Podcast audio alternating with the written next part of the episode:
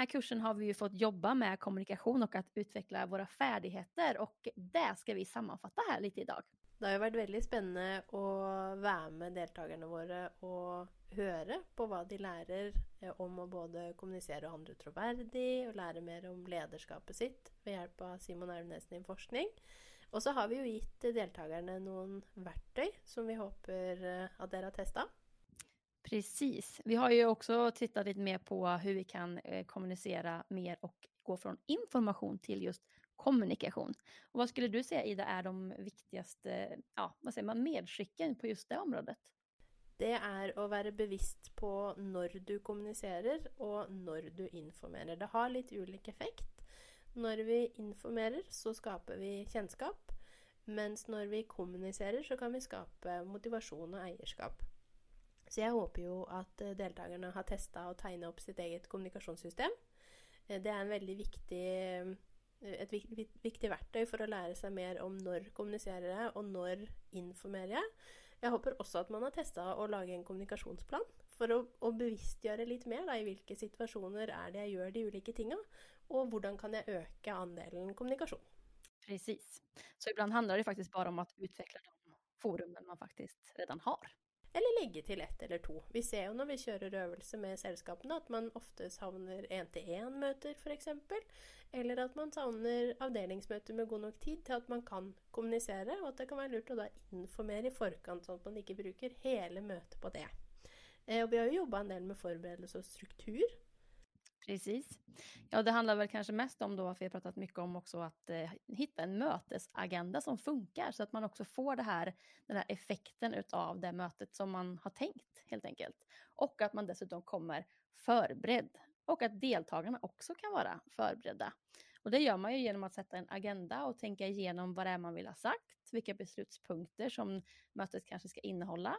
Eh, och sen att man har den här röda tråden genom mötet som gör det lättare också då att följa upp på det och tydliga beslutningspunkter eh, till slut. Det ser vi har väldigt stor effekt. Så det är ju något av det vi hoppas att du har övat lite på. Och så har vi ju sett på tydliga budskap. Absolut. Eh, där vi bland annat har pratat om hur man kan förtydliga sitt budskap genom att göra det lite mer detaljerat och också prata om vadet och huret i det. Vi har pratat om olika begreppsnivåer bland annat. Och det är väldigt spännande att se på ledare som nu övar på att bryta upp budskapen sina på flera nivåer och att man träffar på både hode, hjärta och händer, alltså känslor och fakta och handling.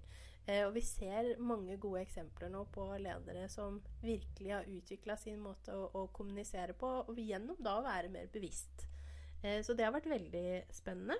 Eh, och kanske speciellt syns jag det är nyttigt att se på ledaren som spørsmålsstiller, och hvilke effekt magiska spørsmål har. Det kan vara så lite och så ger det så mycket.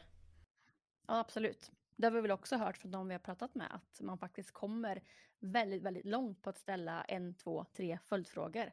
Så att eh, just det här med att vara en aktiv frågegivare är ju ett av de verktygen som vi kanske skulle vilja lyfta lite extra, för det är någonting man väldigt lätt kan putta in i vardagen. Dessutom har vi tagit fram de här dialogkorten som man jättegärna kan använda i just det här sammanhanget. Ja, för att fortsätta träningen nu när man är färdig med ledarkommunikationsmodulen så är det viktigt att huska på att fortsätta att bygga in eh, spörsmål i vardagen och då är dialogkorten väldigt nyttigt. Eh, och utfordra sig själv till att fortsätta den læringa som man har startat på nu. Ja, för det viktiga är ju också att nu, nu vet vi kanske lite grann vad vi, vad vi ska göra och vad vi borde göra. Men sen är det också att man ska just göra det. Och det här är ju en, eh, en never ending learning progress helt enkelt. Så att eh, man ska alltid tänka att man kan eh, bli lite bättre hela tiden och försöka putta in de här sakerna i sin vardag helt enkelt. Och en av de tinga som vi jobbar for eh, med en del av sällskapen nu är ju mål som ger effekt, som vi också har snakka en del om här. Och eh, det att tänka hur kan vi i både budgetprocesser, i projekt vi jobbar med, eh, sørge sörja för att involvera i den målsättningsprocessen så att medarbetarna känner på det engagemanget och får lov att definiera sjøl vad betyder det för mig i min vardag. Precis, och det är också någonting som vi har använt en hel del ute bland våra bolag som vi tycker är ett verktyg att använda just i, oavsett vad man har för typiskt effektmål eller vad man har för storlek på målet högst upp helt enkelt. Att man jobbar med att bryta ner det och just som Ida säger involvera i den processen. Att man, man får liksom vara med och sätta lite hur och vad man ska göra. Det, det, det ser ju vi skapar både engagemang och motivation. Och mindre jobb, får man också säga, för ledaren. För att eh, man allerede har definert hvorfor man skal jobbe med det, og får lov til å sette ord på det sjøl, så går også prosessene raskere. Eh, og man får mer forbedringsforslag på bordet, f.eks. Vi ser at det funker. Så det å sette av nok tid i starten vil gjøre at man bruker mindre tid som leder underveis. Och sen har vi ju eh, ett, eh, ett område som ligger oss båda varmt om hjärtat och det är just feedback eller återkoppling. Eh, det är också någonting som vi har sett kan verkligen, verkligen utvecklas och som vi ser också i Moelvens medarbetarundersökning har en väldigt stor inverkan på resultatet.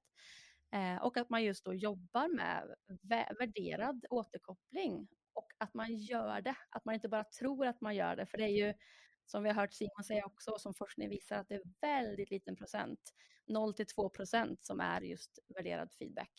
Eh, och den siffran om man ska titta på vad, vad ledare generellt uppskattar så är det uppåt 40 procent. Så här ser vi att verkligheten inte riktigt stämmer överens med vad man tror. Så just den, den självinsikten och att man vet att man kan göra väldigt mycket genom att bara öka en liten andel där. Så ett stort slag för att börja jobba mer aktivt med att ge återkoppling.